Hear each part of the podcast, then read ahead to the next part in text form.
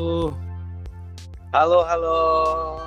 wih, luar biasa Bapak Yakob akhirnya punya channel podcast. Belum lah, belum sebagus sama Bang Erwin lah.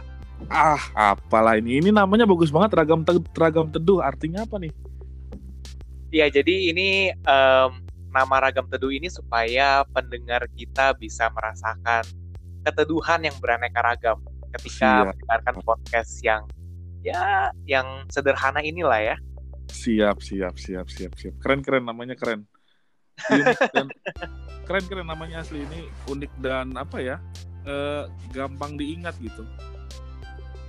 Baguslah kalau memang seperti itu. Semoga pendengar juga merasakan hal yang sama ya, kayak yang Bang Erwin barusan ceritain ya. Siap, siap. Keren sih ragam teduh, ragam teduh. Keren, keren. idenya bagus idenya. Ya, muncul gitu aja, Bro. Iya, iya. Anyway, anyway. Hah? Anyway nih em, siang hari ini thank you banget buat Bang Erwin udah setuju buat gabung di bincang-bincang di siang hari ini di siang hari yang panas ya. Tapi semoga keteduhan tetap ada di antara kita. siap, siap, siap, siap. Kenapa Nggak, sih kok siang hari ini? Tapi nggak panas kan kop ya gara-gara tadi gagal lari pagi ya. Iya tadi pagi tuh kayaknya ada yang kesiangan gitu ya. Padahal katanya jam setengah delapan itu masih udah matahari udah terlalu panas. Kalau bisa pagian gitu katanya. Usul pagi-pagi padahal ya jam 7 ya.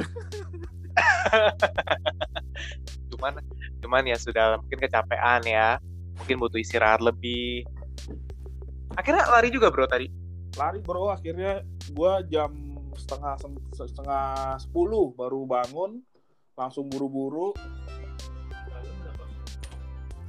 Langsung buru-buru langsung cabut ke gereja dulu kan naruh motor kan. Habis itu ya udah. Nungguin kan lu apa gue telepon teleponin pada nggak angkat. Gue pikir kan oh masih lari kali apa nggak bawa handphone? Gitu kan. Maksud gue gue mau nyusul gitu. Ke mana lu lokasinya Eh ternyata udah pada jalan balik. Ya udahlah gue jalan sendiri akhirnya. Mel- melanjutkan misi mencari pergerakan. Oke lah at least lu udah jalan hari ini udah bergerak dan mengeluarkan keringat. Nah berhubungan sama hal-hal yang berbau mengeluarkan ke- keringat dan mempersehat diri mempersehat diri gitu ya. Hari ini teman-teman karena spesial ada Bang Erwin gabung di cuap-cuap di siang hari ini Heeh. kita masih berhubungan sama lifestyle dan cara kita menjalani hidup atau menyikapi lika-liku kehidupan.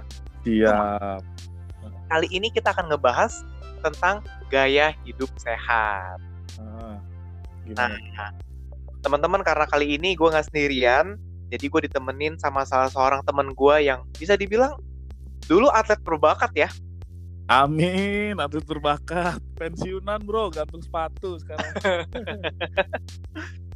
Tapi nggak apa-apa, meskipun pensiunan kan seenggaknya sudah pernah menjalanin eh, cara hidup seorang atlet atau olahragawan gitu ya. betul betul Nah, Bang Erwin gue pengen nanya nih, kalau ngomongin soal atlet atau olahragawan itu kan gaya hidupnya biasa nggak main-main, biasa gaya hidupnya sehat. Heeh. Jadi kepengen tahu nih, gaya hidup sehat itu kayak gimana sih baiknya? Nah, kalau dulu sih ya, waktu masih zaman-zaman yang ngotot pengen jadi atlet profesional, eh, bener-bener teratur sih hidup, makan, terus juga ya bisa dibilang memang eh, olahraga itu kayak jadi sarapan sehari-hari kayak dulu kan start jadi apa ya punya ke hobi basket, atlet, atletis juga ikut, atletik, atletik juga ikut dulu kan. Itu apa ya lari kayak lari itu jadi memang harapan sehari-hari gitu. Udah nggak asing Karena- lagi ya? Udah nggak asing. Karena kan memang itu terutama buat basket itu ya endurance ya yang dicari dengan lari itu. Endurance tuh gimana tuh maksudnya tuh? Iya, jadi lari itu tiap hari harus lari biar satu naikin endurance itu ya bertahap larinya. Misalnya kita mulai dari 10 menit nggak berhenti jogging. Lalu ditambah jadi 10 apa eh, 20 menit, jadi 30 menit, 45 menit sampai sejam nanti lama-lama bisa lari nggak berhenti gitu. Jadi kan endurance-nya eh, naik terus gitu, bisa lama gitu bertahan kan kalau misalnya lagi pertandingan Oh, daya gitu. tahan ya? Iya. Wah, gila keren banget nih. Gue tadi jadi ngebayangin tadi pagi tuh gue bukan lari, gue tuh jalan pagi tadi kan. Mostly jalan, gue ada beberapa beberapa bagian gue barengan sama si Niko tuh Heeh. lari, tapi mostly kita jalan itu aja udah kaki mau copot. Kayak ngitung nggak tadi jarak berapa? Jarak jaraknya nggak ngitung sih berapa, tapi um, ya lu hitung lah kira-kira dari dari dari depan depan gereja tuh, terus habis itu jalan sampai ke ujung yang eh, bundarannya Citra 8 situ, Heeh. terus balik lagi bro. Oh, lumayan jauh, lumayan jauh, lumayan jauh. Jalan tapi nggak ada joggingnya. Ada ada beberapa bagian kita lari, tapi nggak nggak sampai lama ya karena nggak kuat karena ya kayak gue nggak tahu ini salahin masker atau kagak tapi kita merasa sesek karena pakai masker gitu kan mm-mm. tapi mostly ya gitu jalan Iya iya. Emang sebenarnya kalau baru mulai kan anggap aja kita sama ya baru mulai ya. Gue juga kan kemarin habis covid itu berasa banget sih memang eh, stamina kendor banget sih stamina kendor terus apa ya berat badan bertambah itu kan berat badan jadi jadi beban juga jadi bobot yang kita bawa saat lari kan. Emang kalau Ah. buat awal-awal sih kita nggak perlu terlalu ngotot buat maksain lari sih. Gue juga tadi bahkan gak nyampe bundaran gue cuma sampai tikungan doang sampai belokan Citra 8 doang terus karena gue pun tadi tuh lari tuh motivasinya emang karena udah terlalu lama kemarin kan gerak di gitu. penjara tuh ya sebulan lebih tuh gue di penjara nggak bergerak oh kan. iya ah. Nah, jadi memang gue butuh pergerakan nih gue butuh pergerakan untuk menghancurkan lemak-lemak jahat di dalam tubuh nih jadi jadi tuh gue start lari paling cuma dari Cihos dari Cihos sampai mana tuh eh, yang perbatasan Citra 5 Citra 8 yang patung kuda. Oke. Habis itu udah jalan jalan sampai baliknya jalan udah nggak ada lari lagi. Jadi lari itu cuma dari Cihos sampai perbatasan patung kuda doang. Habis itu ke sana sampai tikungan jalan. Yang tikungan yang kan kalau ke Citra 8 kan sempat belok ke kiri dulu gitu kan belokan kan. Iya iya. Nah jadi sampai tikungan situ gue muter lagi balik jalan. Udah jalan karena udah panas juga. Ya itu udah lumayan lah bakar lemak Hmm, bakar kalori. Iya tapi emang itu aja udah ngos-ngosan ya. Uh ngos-ngosan banget. Itu perut sakit tuh apa biasa kalau emang apa ya nggak tahu ya itu kenapa eh, tapi lumayan sering juga sih kalau udah lama olahraga tuh pasti perut sebelah kiri tuh biasa sakit tuh. Oh iya iya iya. nah ini kalau buat orang-orang yang baru mulai tuh biasanya memang banyak aja ada aja nih penyakitnya entah perutnya sakit ntar toto ntar baru mulai pengen boker gitu kan. Tapi kalau gue sakit bukan pengen boker kayak perih gitu perut di sebelah kiri tuh. Ntar ada yang kakinya sakit dengkulnya kalau berat badannya udah berlebihan. Makanya kalau buat mulai pertama-tama kayak tadi makanya start lari ya lima menit aja jogging jogging atau jalan cepet gitu kan kalau mau baru mau mulai. Nanti lama-lama ditambah tuh endurance-nya. Tapi itu catatannya nambah itu kalau rutin ya. Kalau seminggu sekali sih susah juga. Nambahnya lama tuh nanti. Oh iya iya iya. Hmm, jadi biar nggak kaget badannya. Tapi kalau misalnya kayak kita nih sekarang kita kan orang kantoran gitu ya. Mm-mm. anggaplah tiap hari pergi pulang kantor kita waktunya cuma pas weekend aja gitu. Mm-mm. kalau kayak begitu mau nggak mau berarti makin lama ya waktunya untuk meningkatkan stamina dan sebagainya gitu. lama lama tuh kalau kayak gitu apalagi sekarang kan kita bicara lifestyle itu kan sekarang lifestyle itu bukan cuma olahraganya yang dibicarakan tapi bentuk tubuhnya juga bener nggak Oh, oke Setuju oke nggak? oke lo ada Ah, nggak betul. motivasi motivasi olahraga nih aduh badan gua udah kacau nih bentuknya pengen dirampingin lah gitu biar kalau Body shape-nya mau dibenerin. gitu. Iya. Ya pakai jas hujan mah nggak apa-apa lah ya kalau pakai jas hujan tapi bisa masuk lah ya. Pakai jas hujan tapi pakai gesper ya. Oke oke. And then and Iya. then? Iya, jadi kan kalau kita ngarahnya ke bentuk badan yang ideal, kita nggak usah bi- bilang bentuk badan yang bagus kotak-kotak gitu deh. Bentuk badan yang ideal itu kita harus ngitung juga sebenarnya berapa sih kalori yang kita bakar untuk kita lari, berapa jarak tempuhnya, berapa langkahnya dan Mhm. segala macamnya itu kan sebenarnya kita perlu hitung. Nah, kalau kita lihat di TV-TV kan iklan 10.000 langkah, 10.000 langkah ya. Nah, 10.000 Iya, langkah itu kurang lebih 10 kilo kalau kita hitung. 10 Hit- kilo. hit- hitungan jaraknya iya jadi kalau kita bicara target setiap hari nih untuk kita capai untuk mencapai bentuk tubuh yang ideal sehat gitu kan itu paling nggak ya itu 10 kilo tiap hari nah kalau kita cuman di Sabtu seminggu sekali itu susahnya bukan main emang. Kayak tadi kalau dihitung nih jaraknya dari tadi lari gereja sampai gua nih gua dari gereja sampai tikungan itu aja itu jaraknya cuma 5 kiloan nggak nyampe 5 kilo. Oh iya iya. artinya target target kita untuk yang kalau kita mau di lifestyle yang sehat bentuk tubuh yang bagus itu emang susah kalau cuman tiap minggu. Maunya tuh paling nggak kita paksain tiap sore gitu kan paling nggak 5 kilo itu udah nggak apa-apa udah udah udah much better lah 5 kilo kita jalan gitu gak usah gak usah dipaksain lari. Nah beda halnya cerita kalau misalnya memang kita udah kuat lari nih ya kan? Kita udah kuat lari karena Ah, energi yang dikeluarkan saat kita lari dan saat kita jalan itu jauh berbeda. Gitu gimana jadi tuh? kalau kalau energi pas jalan sama lari itu berbeda gimana tuh? kalau Maksudnya jadi kalau ah kalau lari gitu lebih banyak. Lebih berat jelas jelas lebih banyak dan lebih berat. Secara kalkula kalau secara kalkulasi matematisnya sih gua kurang tahu ya.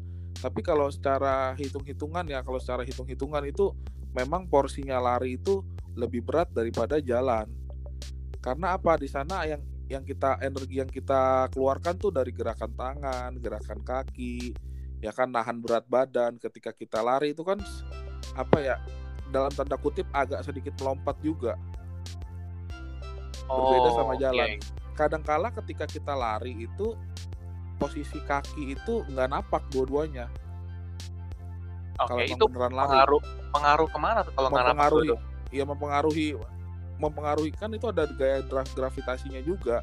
Ah, Ketika lari nih, coba dibayangin lagi lari, ya kan. Terus lagi lari itu di mana posisi kaki itu tidak tidak napak kedua apa dua-dua kakinya nggak napak gitu kan. Artinya apa? Ketika dia mendarat itu kan ada terjadi tekanan gaya gravitasi yang dia akan ketika melontar lagi butuh energi lebih ekstra. oh begitu. Nangkep gak? Makanya Kebayang makanya bisa energi lebih gimana? banyak.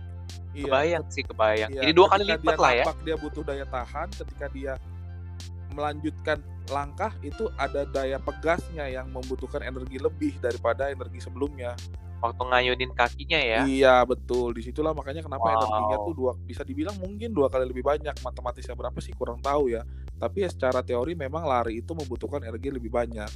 Nah, Kalau gitu jadi jadi jadi kepikiran kalau misalnya em, lari tadi kan lebih banyak kalori yang terbakar. Mm-mm. Nah, kalau kayak orang kantoran gitu yang setiap hari ke kantor waktunya Cuma lebih jalan. sedikit. Heeh. itu kacau makanya makanya kenapa kalau orang kantoran terutama yang terlalu banyak duduk nih yang kerjanya di, di balik layar terlalu Heeh. banyak duduk itu umumnya perutnya pada buncit kenapa karena Nggak gerakannya dikeluarkan. kurang iya kenapa Ah, karena iya, gerakannya iya. kurang satu nih pakai gesper ketat itu mempengaruhi ya kan dua Gesper, gesper duduk ketat mempengaruhi mempengaruhi perut buncit juga. mempengaruhi tuh mempengaruhi sedikit banyaknya mempengaruhi dia makan dia Hah? makan apa metabolisme nggak bagus ketahan ya udah jadinya perutnya buncit makin banyak duduk makin buncit tuh perut Oh gitu. iya Ya iya iya iya. tuh Wow, apa nggak usah pakai gesper nih? pakai nggak pakai gesper celana sempit sama aja Sama aja ya. Iya. Kalau nggak pakai celana nggak mungkin ya. Intinya sih emang Kecuali WFH. iya, Lo WFH nggak ada yang tahu bro. pakai sarung ya Heeh. bisa bisa Nah, jadi kepikiran juga kalau gitu alternatif yang baik kalau misalnya udah pulang kantor udah rada malam gitu ya nggak bisa keluar lagi buat jalan sore atau lari sore. Nah, apakah bisa diakalin dengan lari di tempat? Lari di tempat sih bisa ya lari di tempat bisa. Cuma kalau misalnya kita bicara lari di tempat menurut gue ya agak agak kurang efektif dan membosankan mungkin ya. Kalau gue sih biasanya dulu tapi dulu banget ketika masih Hmm, masih masih berusaha jaga badan stamina ya kan endurance segala macem itu itu wajib banget lari ya kan. Minimal seminimal seminimal minimalnya nggak lari itu di kasur kok di kasur itu eh, lari di kasur lari di kasur. ya lari di kasur Gimana jadi tuh? bayangin lu lagi tiduran nih Hah? bayangin lagi tiduran terus kaki lu ngelangkah sampai siku kanan kiri Sampai sampai siku. sampai berbentuk siku 90 derajat. Oh, oke kayak gue sepeda. Beda kalau gue sepeda kan kakinya nekuk. Ah, Kalau ini Oh, kalau- lurus kakinya. lurus ke atas gitu ya. Iya, lurus ke atas ganti-gantian kanan kiri kanan kiri. Nah, begitu. Oh, iya iya iya yang gantian. sambil hitungin aja sampai misalnya target sampai 500 500 kali gitu kan. Wih, itu pegelnya juga bukan main tuh, capeknya bukan bisa basah tuh baju. Itu kayaknya ngepengaruhin ini gak sih? Perut bagian bawah. Iya, betul. Perut bagian bawah sama paha bagian belakang. Paha lah, Oh, oke. Utamanya paha. Nah, jadi ya ibaratnya kita nggak bisa keluar, masih bisa kita lakukan di rumah dengan cara sambil tiduran, sambil nonton TV. Nah, itu sering juga Nah, dulu. kalau- Kalau nonton kayaknya nggak bisa deh bro. Kan tiduran. Ya kan tiduran sambil nonton bisa, TV-nya di samping. Ya elah, encok leher bor. Ya, kira-kira begitulah kurang lebih. Tapi iya ya itu masuk akal. Itu satu hal yang baik deh. Gue juga baru tahu ternyata ada gerakan yang seperti itu yang bisa membuat kita mengurangi kalori meskipun harus di dalam rumah. Jadi nggak nggak Iya. lari di tempat yang perlu berdiri, tapi ternyata tiduran, tiduran di ranjang atau di matras kali ya bro ya, di Iya, matras betul, gitu di ya. matras. Ini ini bisa jadi gerakan apa ya kalau nggak salah ya dipakai juga di gerakan yoga gitu. Cuman kalau yoga kan dia lebih lembut gerakannya kan diem, ditahan. Iya iya. Kalau ini Gitu. lebih kayak em, stres ke Ya, ini ya, Heeh, memang Ngurangin ya, memang meng- menguras energi, lebih cepat menguras energinya. 500 kali itu biasa kira-kira berapa menit? 10 menit ada? Ya bisa sampai 20 30 menitan. Oh, tergantung kita kecepatannya ya kali ya. Iya, kecepatannya gimana? Karena itu pegel Wow. juga kok. Akan berasa pegel. Kalau dicoba tuh berasa pegel gitu. Bakal kan? berasa pegel. Iya benar. Ah, Kayak gitu. Ya intinya sih kalau mau enak sebenarnya ya, ya tiap sore gitu kan. Emang susah ya kalau orang kantoran itu sih. Makanya sekarang kalau gue lihat nih berhubung dengan lifestyle lifestyle yang sekarang ini belakangan kan Ah, ada sepeda lah, ya kan ada ada yang jogging apa segala macam. Itu kalau di daerah SCBD tuh SCBD GBK tuh udah mulai banyak tuh tiap sore dari kantor orang-orang udah pada keluar, udah pada bawa baju, ya kan, udah pada bawa baju lari ke. GBK, Oh. baru mereka selesai pulang. Iya iya iya. Jadi mereka kejar waktu sorenya tuh di GBK. Kalau orang-orang daerah Sudirman tuh biasa gitu.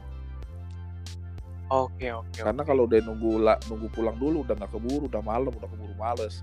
Dan Udah lagi malam. biasanya tuh ya itu jadi lifestyle juga. Mereka jadi jadi ya udah kebiasaan lari di GBK ya kan jadi ya jadi komunitas juga ada banyak komunitasnya Oke oke. Wah seru Gitu. banget ya. Tapi iya nggak tahu nih kalau pandemi, kalau pandemi sekarang mungkin agak Nah, kali itu dia tuh. Kalau pandemi nggak tahu deh. Tapi sih kalau di SCBD masih ada aja ya satu dua yang lari. ya. Ada ada. Pasti yang tinggal di daerah sana di apartemen sana Iya, gitu ya. biasanya orang-orang apartemen. Mm, mm. Gitu. Wow, luar biasa itu kita baru ngomongin soal olahraga udah panjang lebar ya. Tapi memang gue juga ngerasa sih kalau kita nggak olahraga sama sekali, ini badan lebih cepet capek bro. Napas tuh lebih pendek. Betul, betul, betul. Terus Beda ya banget dah. Beda jauh. Belum lagi tadi yang kayak lo udah singgung ya, body body shape kita itu beda banget kayaknya. Kayak Kayak seonggok, seonggok daging, Seonggok kayak daging. om-om. Kalau Iya. om-om sih nggak apa-apa kalau udah lebih tua lagi lah. Kalau kayak kita, masih umur segini ya. iya makanya Apalagi baru umur badan segini. aduh lu lihat sendiri. Aduh, Iya. kacau. Gue lihat badan lu sih orang-orang yang dulu main basket bareng gua kaget semua. Gila Win, badan lu Win. Jangan kan tuh satpam aja di, di tadi satpam di gereja kaget kaget banget lu Win. Itu. Oh. satpam aja Satpam satpam aja, ya. satpam ya. satpam Namanya yang dulu satpam biasa dulu biasa lihat apa apa istilahnya istilahnya dulu Senin sampai waktu masih OMK kan? ya waktu masih sering kegiatan di gereja gitu ya. Wow, nggak pernah pernah ketemu setahun setahun corona buset. ya berarti sekarang kalau misalnya kita pikir-pikir mungkin efek samping corona itu ya setelah sembuh bukan Uh, cuma uh, paru-parunya parah. tapi ternyata memperbesar iya, Bagian perut. Kanan terus supaya bisa pulih cepet ya waktu itu bro ya. Belum Iya. lagi isomannya gitu kan ya memang kurang gerak banget sih Pak. Iya dan Iya, lagi, dan lagi corona, corona kan sebenarnya pandemi, pandemi setahun setahun lebih lebih dah. Coba Iya, deh, iya. coba deh lu menimbang nggak merhatiin nggak berat badan berat badan pandemi, pandemi sama berat badan berat sekarang badan nih, sekarang kan, which is kan lu kan lu salah satu salah orang satu orang. Ya puji Tuhan masih Tuhan sehat. sehat. Nggak nggak. kena corona kan. corona kan. Itu nggak sih berat badan awal awal berat badan sekarang Kalau gue pribadi sih ya, untuk berat badan itu gue nggak gitu perhatiin. Cuman yang gue perhatiin itu bagian em, perut gitu ya. Kalau perut itu, offset. Iya kalau perut itu kan offset banget bro. Kayak lo tuh tiap pagi pakai celana, pakai gesper, terus kayak kok ada yang nggak enak gitu ya. oh gampang ukurnya gini kok apa eh, ukuran celana berubah nggak selama setahun ini Ukuran cera, ukuran celana nggak berubah, untungnya belum berubah. berubah. Eh, Cuman mengarah ke perubahan. sempit ya udah mulai sempit ya Iya. Udah nggak akur lagi antara perut dan celana itu udah nggak akur. kalau duduk udah susah pakai sepatu gampang apa susah pakai sepatu pakai sepatu sih ya udah mulai ini ya ber- Nah. berbeda ya cara pakai Nah. sepatu udah berbeda nah, Nah, makanya gitu. kalau butuh biasanya kalau udah mulai kegendutan nih pakai sepatu tuh udah susah udah berasa Benar, beda benar. tuh pakai sepatunya bener-bener Hmm. pakai sepatu udah nggak nggak asik lagi deh udah nggak ganjel di perut ya, kayak ini mau ditaruh mana ya gitu Oke, kita udah ngomongin satu poin olahraga nih teman-teman barengan sama Bang Erwin. Ternyata banyak banget cara untuk ngakalin gimana caranya biar kita bisa tetap olahraga di waktu pandemi. Bahkan kalau misalnya kamu udah nge WFH lagi, meskipun masih pandemi, udah WFO, udah from office lagi balik normal, kamu jangan khawatir. Bisa banget untuk tetap ngelakuin olahraga di rumah kayak tips yang Bang Erwin barusan bagiin. Nah, sekarang kita mau ngomongin soal makanan. Bang, kalau Hmm. misalnya tadi makanan kan udah kita sempat singgung-singgung sedikit nih. Iya Makanan itu baiknya gimana sih cara ngaturnya? Karena terlalu banyak yang kasih tips sampai bingung sendiri mana yang benar, mana yang salah, mana yang sehat, mana yang enggak gitu.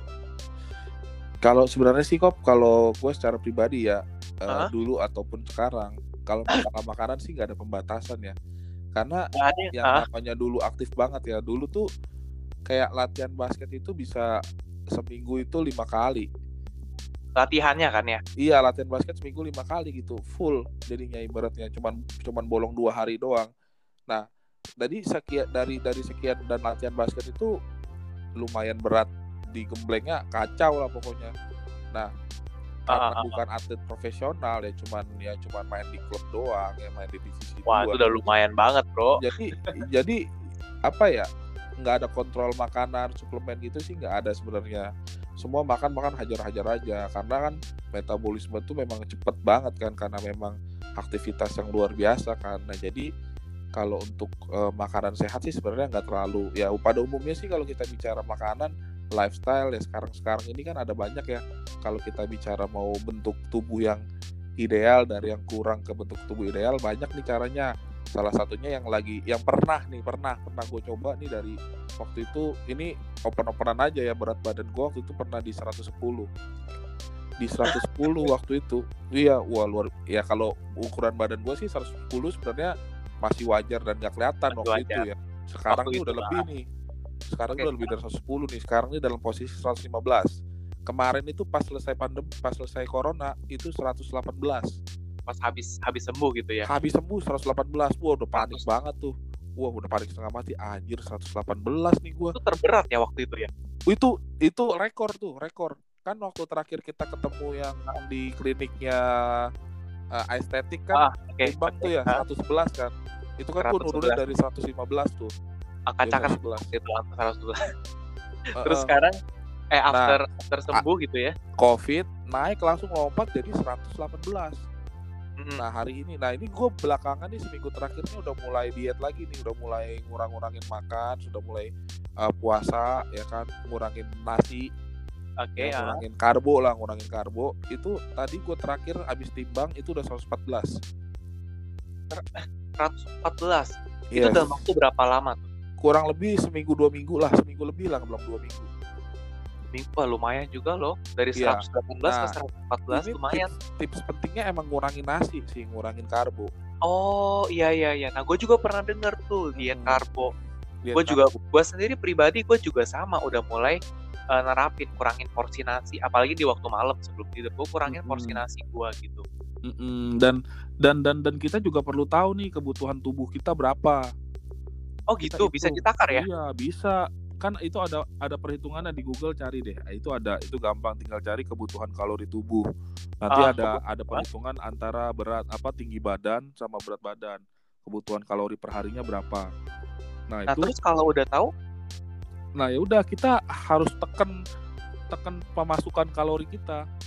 Tekan apa makanan yang kita makan gitu. Jadi misalnya kita butuh kayak badan gua nih kurang lebih mungkin butuhnya eh, 2000 lah gitu kan. Ya gua makan kurang lebih 1500 ditambah diet karbo. Oh oh oke oke. gitu Nah, berarti- jadi turunnya cepet. Nah, Kalau- ketik- ketika Hah? ketika eh, jadi ketika tubuh kita kekurangan eh, kalori dia akan ngambil dari lemak.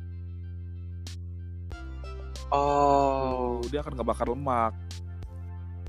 Berarti nanti pas makan ditakar gitu ngambil nasi. betul ditakar. Nah, apa aja sih makanan karbo? Lupa gua.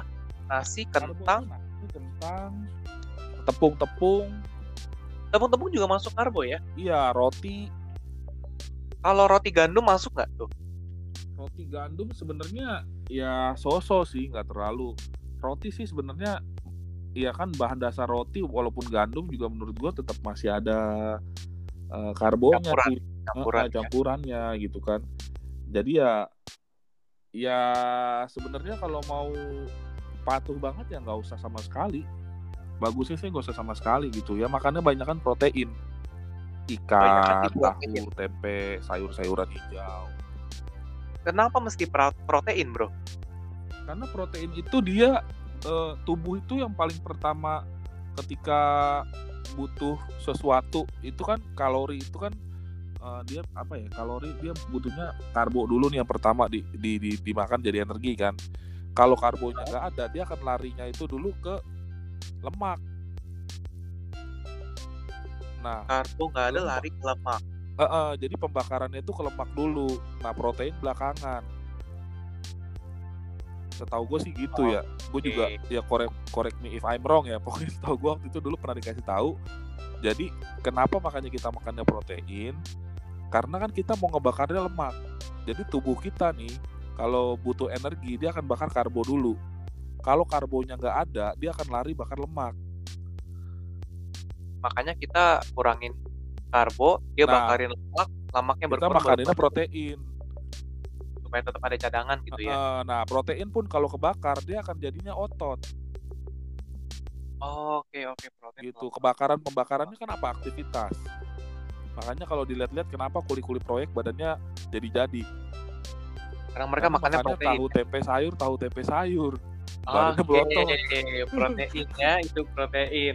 Berarti Iya. iya iya, iya benar juga ya tahu tempe itu kan dari kacang kedelai gitu. iya gitu Wow, karena Indonesia memang benar sehat ya untuk tahu dan tempe. Mm-mm. Tapi kalau kalau misalnya benar-benar sama sekali karbo nggak ada nih, Mm-mm. tapi em, itu juga bisa malah jatuh ke penyakit lain nggak kira-kira?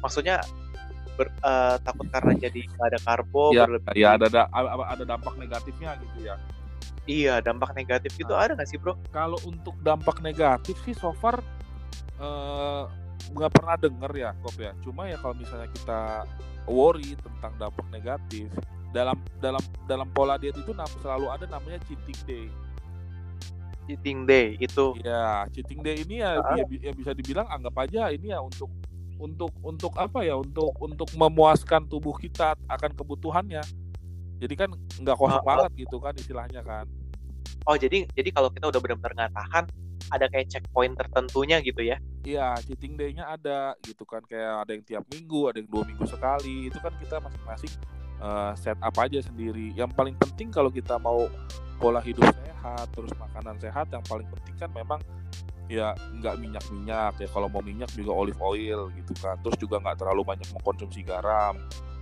Ya kan, terus juga nggak terlalu banyak mengkonsumsi gula. Ya kan, kalau emang mau yang sehat banget emang kayak gitu. Semuanya tuh Wah, makanan kita bisa calon-calon. dibilang nggak ada rasa. Ah, Apa gue ada? baru mau bilang itu. Enggak apa Kalau adanya. kalau Nah, ada rasa. Balik lagi ke tadi pengalaman gue yang pernah dulu dari 110 ke 101 itu lumayan ekstrim tuh. Itu waktu itu gue makannya pola makannya gini. Makan beli beras namanya ada beras shirataki waktu itu. Ah, gue pernah dengar tuh beras shirataki. yes beras shirataki ini emang harganya lumayan ya. Waktu itu sih gue beli 180 ribuan tuh sekilo. Ya kan nggak tahu sekarang berapa. Nah dari situ dibarengi dengan makanan-makanan protein tinggi. Waktu itu makanannya eh, ayam ikan terus lumayan sering juga makan salmon yang itu dimasak tanpa dibumbuin ditawar dong ya. iya eh, ya Oh, rasa garam rasa daging sekali. aslinya aja Iya, rasa iya. daging iya. aslinya aja gitu. Kalau kayak salmon kan paling paling sering makanya pakai salmon. Kenapa? Karena salmon pun gak dibumbuin, rasanya udah ada gitu. Iya, masih ada. Kalau kecap asin gitu nggak apa-apa ya? Nggak bisa kok sama sekali. Kecap asin kenapa tuh? Ya kan asin, Itu ngaruh juga ya. garam. Iya, jadi nggak bisa ada rasa. Jadi yang jadi garam itu mengikat air dalam tubuh. Garam meng Iya, garam itu mengikat air dalam tubuh. gue baru tahu juga nih garam Iya, kenapa apa makanya ya? pol- pola diet banyak tadi kan sempat disinggung ada diet keto namanya eh diet keto diet keto itu yang tadi nggak makan karbo ada diet mayo diet mayo tuh nggak makan garam ya kan terus juga ada OCD OCD itu dengan diet pola makan. Nah lalu ada diet yang tadi mengurangi mengurangi apa eh, asupan ke dalam tubuh kebutuhan makanan di dalam tubuh. Ya kan jadi macem-macem gitu. Kita tergantung cocoknya yang mana kita jalanin yang mana. Nah yang gue coba yang ekstrim tadi itu gue campur. Gue campur semua. Udah nggak makan garam nggak makan karbo. Ya gue nggak tahu ya shirataki masuk karbo apa enggak tapi katanya shirataki itu eh, rendah kalori gitu kan sehat lah ya intinya sehat gitu kan Heeh. terus eh, makanannya protein terus ya kan kayak diet keto jadi semua Jadi dicampur itu extremely cepet turunnya ya. cepet turun gitu ya. Mm, dari 110, 111 jadi 102 waktu itu cuma dalam waktu ya kurang lebih semingguan. Ah, semingguan. Wah, Semingguan cepet banget sih. cepet Tapi banget. pasti pasti suffering. juga. suffering nggak itu? Minggu Oh, itu. sempet sempet sempet sempet sempet sempet gimana ya rasanya eh ya Gak ada kenikmatan hidup gitu kan? nggak bersemangat aja gitu. Ah, plain gitu. Plan aja iya bener. Karena makan aja gitu di situ di momen itu ya nafsu makan hilang. Cuman yang penting masuk aja. yang penting masuk aja paksain gitu kan Cum- cuman buat ke- kebutuhan tubuh aja tapi me- memang itu mempengaruhi nafsu makan juga hari pertama masih oke hari kedua hari oke hari ketiga hari keempat udah mulai nggak nafsu. Aduh nggak ada rasanya kan makan. Tapi udah terpaksa Iya. gitu kan. Akhirnya akhirnya gini ya jadi dampaknya itu banyak kok. Dengan cara seperti itu gue mengalami yang tadi hari pertama biasa hari kedua biasa hari ketiga biasa mulai masuk hari keempat. Mulai masuk hari keempat itu yang biasanya makan banyak nih porsinya banyak. Kan eh, walaupun shirataki hari pertama hari kedua hari ketiga tuh porsi masih normal tuh banyak. Masuk hari keempat gitu. Udah mulai berkurang. berkurang por- porsinya ah nggak enak dikit gitu. Jadinya makannya dikit makannya dikit makan dikit. Kenapa makannya ekstrim banget turunnya? Oh, jadi jadi yang gambaran banyak, masuknya Hmm, dikit juga. betul keluarnya banyak. Kan gue ambil olahraga juga. Jadi istilahnya. Benar. kayak tadi gue bilang 2000 nih bisa jadi tuh yang masuk ke badan gue mungkin cuman di bawah 1000 kebutuhan apa eh, ininya. Jadi ngebakar lemak doang. Lemaknya iya iya iya. gitu ditambah olahraga lagi kan. Nah, ditambah nggak pakai garam makannya. Nah, kalau apa yang gua minum kita- air langsung keluar langsung keluar dalam bentuk keringat. Gitu. cepet gitu ya. iya itu cepet Nah, kalau kita ngomongin soal makanan berlemak, itu makanannya berarti selain goreng-gorengan ya. Yang berlemak-lemak itu contoh lainnya kayak gimana sih, Bro? nah lemak kan sebenarnya ada lemak jahat ada lemak baik ya Nah, Heeh. kalau yang lemak baik itu biasanya ya dari ikan-ikanan yang gue tahu ya lemak banyak jahat ya dari iya banyak banyak makan ikan sebenarnya kalau mau yang lemak baik kalau yang lemak jahat ya ya itulah yang enak-enak ya. itu biasanya jahat Yang enak-enak biasa jahat. Iya lu paham lah maksud gua Oke, oke. ya daging-dagingan gitulah ya. iya heeh. Emang kan biasa yang sapi juga. panjang sapi pendek ya kan Hmm, macam-macam. itu biasanya biasanya Wow. jahat kayak gitu. Dan, tapi sebenarnya ya di kalau kita tetap mau menikmati itu nggak masalah. Di pola diet yang OCD sama yang diet keto itu masih diizinkan makan itu. Cuman mungkin mungkin polanya berbeda ya. Polanya berbeda. Ya ibaratnya semua pada dasarnya kan apa yang kita makan pada porsinya tidak berlebihan itu ya bisa jadi ya baik-baik aja gitu. Yang umumnya terjadi itu kan kita makan di luar porsi kita berlebihan, makanya jadinya tidak baik. Gitu. Tapi memangnya gue akuin sih kalau makan karbo itu enak. Gue nggak ngerti kenapa ya. ya itu tadi- roti gitu. betul. Ya itu kok tadi karena karbo pertama karbo itu manis. Ya kan? Ketika lu nggak makan karbo nih itu lu coba deh misalnya lu mau coba pakai pola diet yang tadi gue bilang dari 110 ke 102 nih gue lagi mau coba nerapin lagi nih itu eh apa ya Kayak ada rasa hidup yang hilang. bersemangat hidup nggak bersemangat karena memang kurang gula mungkin ya kurang gula, ya nggak Iya, manis. karena gitu. nggak istilahnya bener-bener nggak jajan-jajan minuman soft drink nggak ngopi gitu kan oh ngopi ngopi tapi nggak pakai gula gitu kan Wow. intinya benar-benar benar-benar benar-benar membatasi rasa yang masuk ke dalam tubuh tuh benar-benar benar-benar terbatas waktu itu Gue denger cerita lu aja tentang makanan yang plain dan tawar itu aja gue udah kayak ngerasa nggak bersemangat untuk makan gitu. Mm-mm. iya itu Gak ada gitu keinginannya buat makan. ya itu apalagi makanya di yang hari keempat ya. itu udah udah kayak ah udahlah nggak nafsu makan gitu kan nah Akhirnya sampai hari hari, ketujuh delapan hari gitu ya.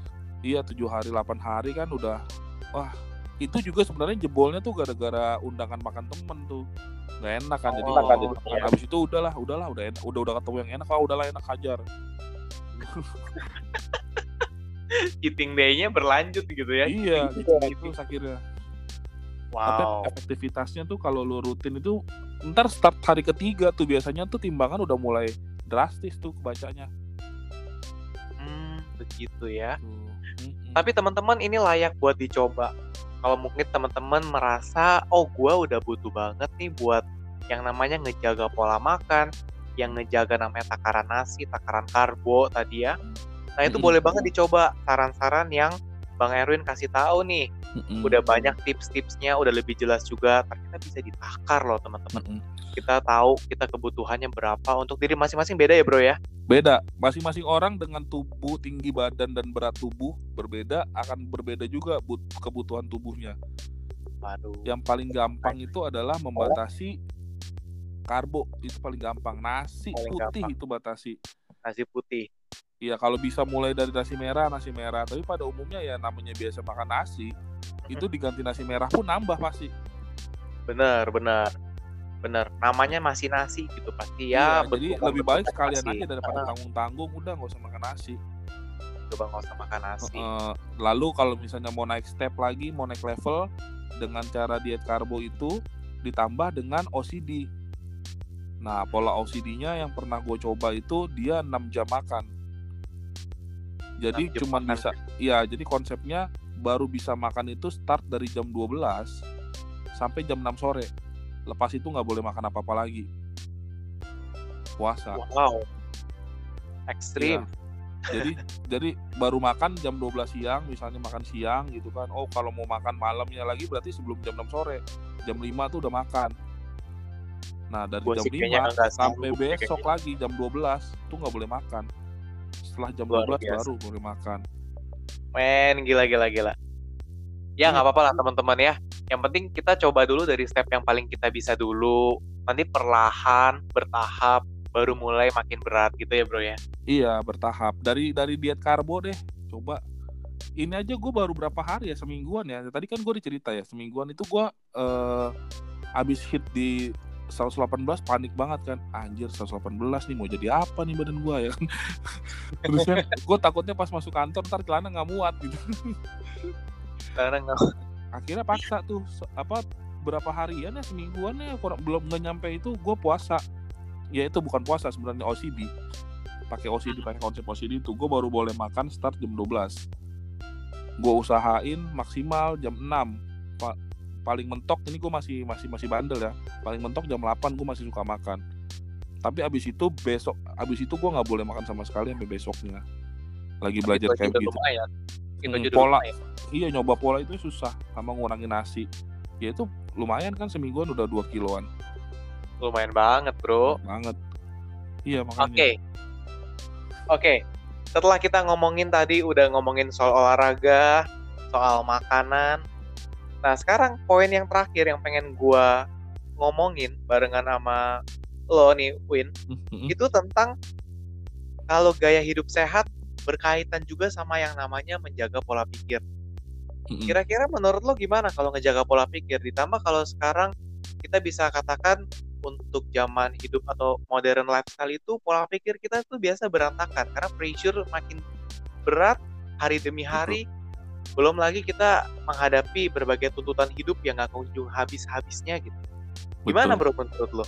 Nah, pola hidup sehat, lifestyle itu berhubungan. Menurut gue berhubungan. Karena apa? Burnout. Burnout itu membuat kita susah istirahat, nggak tenang.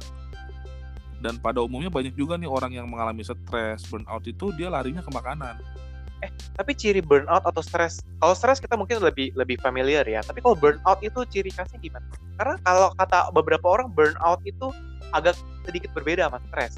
Kalau stres itu kayak udah agak lebih parah dari burnout. Nah burnout itu katanya eh, salah satu step awal sebelum stres. Apa benar kayak gitu?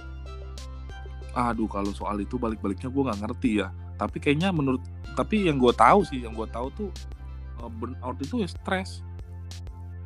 Kata lainnya doang ya, kata gaulnya doang. Kata lainnya doang tahu. ya? Iya, tapi gue nggak tahu juga sih. Karena bahasa pergaulan gue, aduh gue lagi burn out banget nih gitu kan, lagi oke. stres gitu kan. Biasa anak-anak selatan bahasanya ada-ada aja gitu kan, kita anak barat suka kurang paham. Berarti selama berarti eh, sejauh ini ya kita anggaplah burnout 11 12 sama stres gitu ya untuk Heeh. sekarang. Iya kayak gitu ya. Ibaratnya ya mungkin ya tadi bicara pressure, beban hidup apa segala macem itu kan ngebuat pikiran gak tenang ya. Nah ngebuat pikiran gak tenang itu membuat eh, ada orang yang akhirnya ya udahlah gue makan aja lah pusing, lu makan aja deh gue ya kan kayak gitu-gitu kan banyak yang pertama. Kedua stres itu membuat kita sulit untuk istirahat. Sementara istirahat itu dibutuhkan untuk metabolisme tubuh. Bisa sakit jadinya ya. Nah, satu sakit, dua metabolisme tubuh. Jadi gini loh, jam istirahat itu, jam istirahat normal itu kalau bisa itu sebelum jam 9 kita udah tidur. 9 malam. Tidur lebih awal, iya, tidur lebih awal, bangun lebih awal. Ya kan? Jadi, Oke, ah. sembilan- jadi kalau kita tidur di atas jam 9 malam itu yang gua tahu ya, yang gua tahu itu eh, apa akan memperlambat metabolisme tubuh, ya kan? Apa di malam hari kita istirahat itu kan organ-organ tubuh kita yang rusak itu diperbaiki. Oke. gitu Ah. makanya sebenarnya kalau misalnya orang stres biasanya tuh susah tidur ya kan Hmm, susah susah tidur. banget tidur. nah Karena itu mungkin yang pikiran terjaga gitu. betul bangun di malam hari itu yang membuat dia eh, metabolismenya nggak maksimal. Akhirnya ya berpengaruh juga ke kesehatan. Kayak gitu. Jadi kalau di kalau kita bahas tentang berpengaruh nggak sih soal ya pressure terus mengakibatkan stres atau burnout itu membuat kita kurang sehat dengan gaya hidup kita yang sehat menurut gue sih berpengaruh impactnya ya kayak begitu tadi. Dari kita stres kita susah istirahat ntar malah malam-malam biasanya. Ini kan pola hidupnya ya ini yang yang pernah gue alami. Stres susah istirahat begadang akhirnya nonton aja. Nonton maunya nyemil makan. Ya udahlah kacau. Nggak sehat banget ya bro ya. Heeh, nggak sehat banget. Nah kalau menurut lo itu kalau ngejaga pikiran supaya nggak berujung-ujung pada tahapan yang tadi tuh. Gimana sih cara ngejaga pikiran supaya tetap positif dan nggak sampai stres, nggak sampai terlalu, you know, terlalu banyak pikir. Iya. Kalau gua ya, kalau gua karena gue memang hobi gue olahraga, gue butuh banget yang namanya olahraga. Jadi escape plan, escape escape plan-nya tuh ya memang gua harus olahraga gitu. Jalan olahraga gitu, ya, ber- beraktivitas gitu ya. beraktivitas karena gini contoh gue melakukan olahraga yang gue senang misalnya main basket gitu kan. Kalau lari kan sebenarnya agak susah ya karena bukan hobi gitu. Main Ah, basket kah main futsal kah mau main badminton kah itu kan bisa dibilang kesenangan bertemu dengan orang berolahraga itu bisa jadi eh, salah satu cara untuk kita rilis stres ditambah ketika kita capek ya kan badan kita capek itu kita akan mempercepat kita maunya tidur kan jadi kalau dulu nih gue eh, bahkan nggak nggak cuma dulu sih setiap kali gue habis main futsal sama teman-teman apa segala macem badan capek ya kan akhirnya tidur nah di situ rilis apa stresnya kerilis pada saat kita olahraga main bareng temen terus kita juga terhindar dari begadang nah biasanya sih kalau Oh, gue itu iya. cara karena Berarti cuma nongkrong sebenarnya- nongkrong? Mm, Iya kan karena ada ada juga orang yang oh udah stres nih butuh teman cerita nongkrong nongkrong nongkrong. Ya nggak ada nggak ada capeknya juga nongkrong kan malah akhirnya nongkrongnya sampai malam sampai begadang. Ya kan? Kalau gua lagi lebih- balik ya. betul kalau gue lebih memilih menghajar tubuh gue dengan rasa capek. Kalau gue stres gue akan menghajar tubuh gue dengan rasa capek. Gimana caranya biar gue tubuh gue tuh capek? Karena kalau orang stres nggak bisa tidur biasanya kepikiran kan misal ada pressure di kantor masalah kantor bahkan sampai ke bawah mimpi gitu kan. Ibaratnya. Pernah nggak lu kantor pressure di kantor sampai ke bawah mimpi sampai ngigo gitu kan? Gue pernah tuh kayak gitu tuh. Saking kepikirannya gitu ya. saking kepikirannya. Jalan keluarnya apa? Gue harus olahraga sampai secapek-capeknya biar gue tepar gitu. Udah nggak ada jalan Oke. lagi. Ada satu poin bagus yang gue tangkap Win dari ya cerita yang lu barusan ceritain tentang em, lu hajar dengan olahraga terus capek and then lu tidur and then mempengaruhi metabolisme lu supaya bekerja dengan lebih baik itu Yes. kayaknya titiknya adalah em, selain olahraga tadi ya dan membuat badan dengan metabolisme lebih sehat gitu itu kayaknya ini gak sih ngelakuin apa yang lo suka? Lu butuh Betul. untuk merilis hobi lu gitu. Betul. Hobi yang positif maksudnya benar gak sih? Betul. Betul. Jadi hobi positif itu sangat membantu lo untuk mikir lebih lurus gitu ya Mm-mm. mikir lebih sehat mikir lebih baik gitu Betul. Dan itu sebenarnya balik lagi ke lifestyle kan, Kop. Ya kita bicara lifestyle lifestyle hidup sehat sekarang ini, banyak orang yang menyalurkannya ke hobi olahraga. Contoh aja nih yang sekarang lifestyle-nya apa? Sepedaan. Ya enggak? Lari. Ya kan? Bulu tangkis, ya kan? Itu kan banyak sebenarnya. Umumnya ya Sehat kalau gue lihat lifestyle yang lifestyle hidup sehat ya arahnya ke situ gitu kan. Ya lifestyle kalau kita bicara lifestyle kan macam-macam. Ada yang lifestyle-nya clubbing, ada yang lifestyle-nya apa eh, eh, apa namanya eh, live music ya kan. Nah ada yang lifestyle hidup sehat ya kayak begitu olahraga dia larinya dia kejar capek ya kan karena ketika kita kalau olahraga ya kita spesifik olahraga karena gue suka olahraga ketika kita stres kita mengharapkan pola hidup yang sehat jalan satu-satunya ya olahraga itu tadi. Olahraga yang melibatkan orang lain.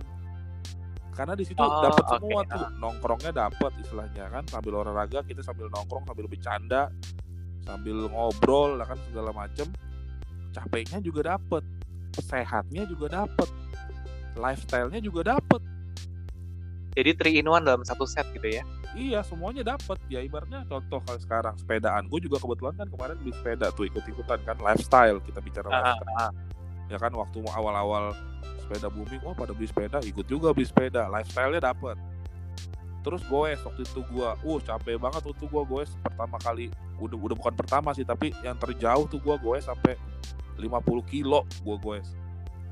50 kilo gila. Pulang-pulang tepar. Bukan tepar lagi gua pengen tipes kayaknya tuh sampai nggak sanggup lagi gua.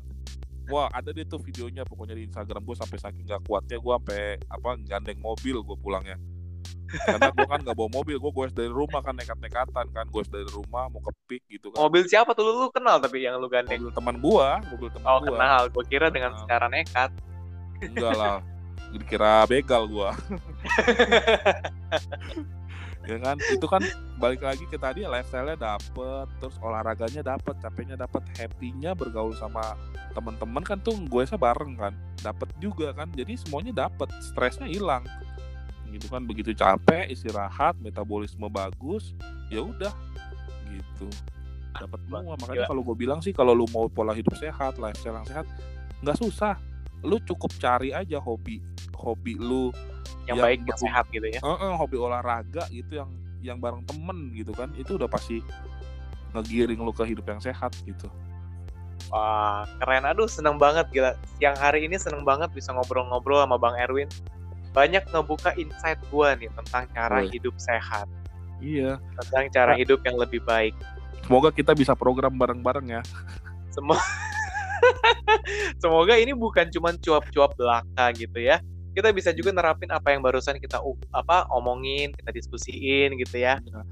kalau gue sih kop ya gue tuh ada alat-alat di rumah gitu juga kan kalau seandainya gue nggak bisa keluar apa segala macam kadang-kadang gue paksain di rumah gitu kan angkat dumbbell entah gue ntar treadmill gitu selalu gue paksain gitu kalau misalnya udah ke kepentok atau gue main skipping gitu ada Main aja skipping.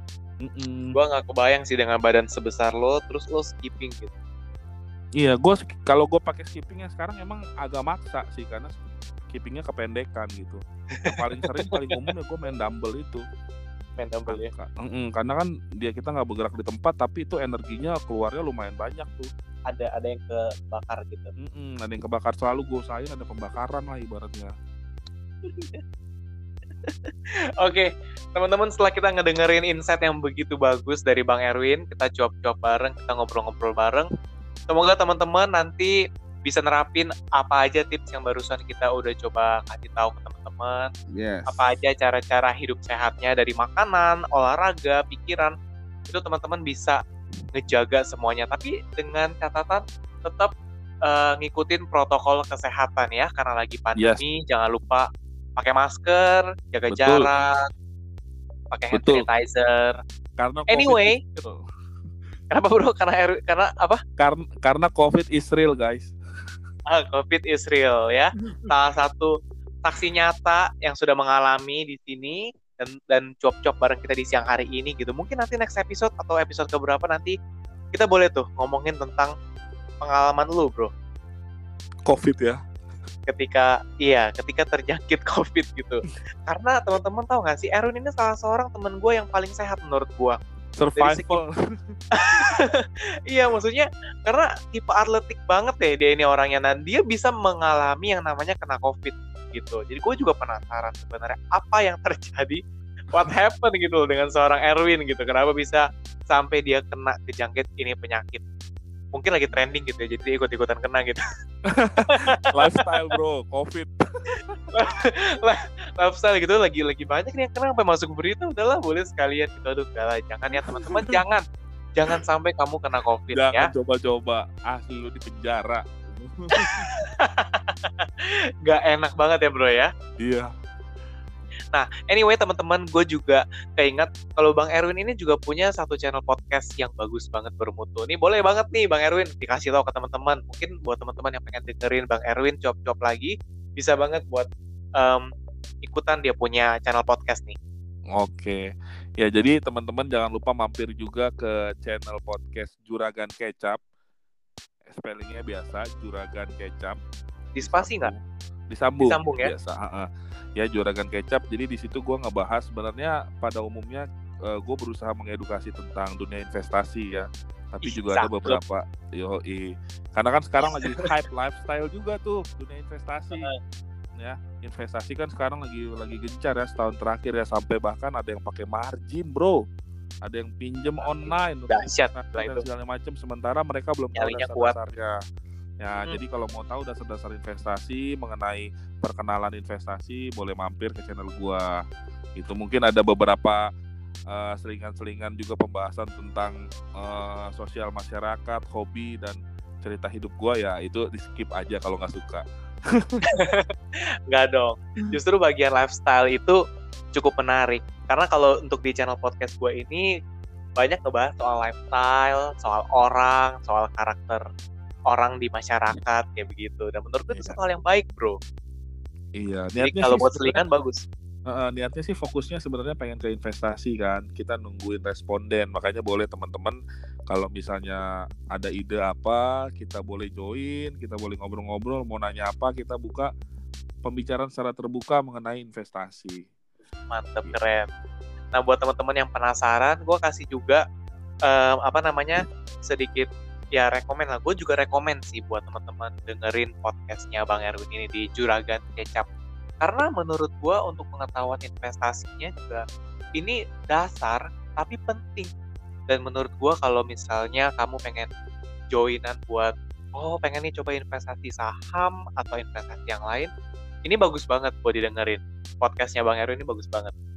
Ya, boleh juga follow akun hobi investing di Instagram. Kadang-kadang kita suka kasih rekomendasi-rekomendasi rekomendasi saham. Kalau lagi lurus ya kan lagi nggak terganggu dengan eh, tuntutan hidup, biasa kita baik hati kasih rekomend-rekomend saham. Jadi buat yang nggak sempet dengerin, teman-teman bisa baca atau lihat gitu di IG kan IG kan em, IG juga sekarang udah jadi lifestyle yang apa ya kayak satu hari nggak buka IG tuh kayaknya ada yang kurang kecuali Iya. memang lagi lagi ngehindarin IG ada juga karena yang kan di posisi itu ya. Betul betul. Jadi jadi begitu teman-teman. Erwin ada tambahan bro? Cukup cukup bro. Mungkin segitu dulu. Ya karena udah mau sejam juga nggak berasa. Udah mau sejam cuap-cuap barengan sama Bang Erwin. Ini nggak pernah bosen nggak pernah apa ya nggak pernah merasa jenuh kalau barengan sama Bang Erwin ngobrol. Ada aja gitu insight yang didapat ada aja leluconnya gitu. Nggak plain yeah. gitu ya kayak makanan iya kita harus mewarnai plain. dan menikmati hidup lah biar jangan biar selalu berkesan. Oke okay, setuju banget. Oke okay, kalau begitu thank you banget buat Bang Erwin yang udah luangin waktu di siang hari ini. Semoga ke depannya nanti kita boleh ada kesempatan lagi untuk job-job bareng untuk ngobrol ya. bareng. Uh -uh, untuk diskusi bareng Thank you juga buat teman-teman yang udah luangin waktu buat ngedengerin kita cuap-cuap, menambah insight dan wawasan bersama-sama gitu ya. So, teman-teman tetap ikutin protokol kesehatan, jaga kesehatan teman-teman, tetap coba untuk gaya hidup sehat ya. Meskipun belum mulai, tapi ketika ada niat pasti ada jalan. Gojek. So, keren banget ya. Aduh gila gue keren banget siang hari ini. Gojek tuh tagline-nya iya gue agak agak merinding gitu. Ternyata gue pernah kedengeran pernah dengerin itu dari tagline uh, tempat lain gitu ya. Ya udah gitu aja sih teman-teman. Nggak usah berlama-lama lagi. Thank you banget buat semuanya. See you on next episode. Bye bye bye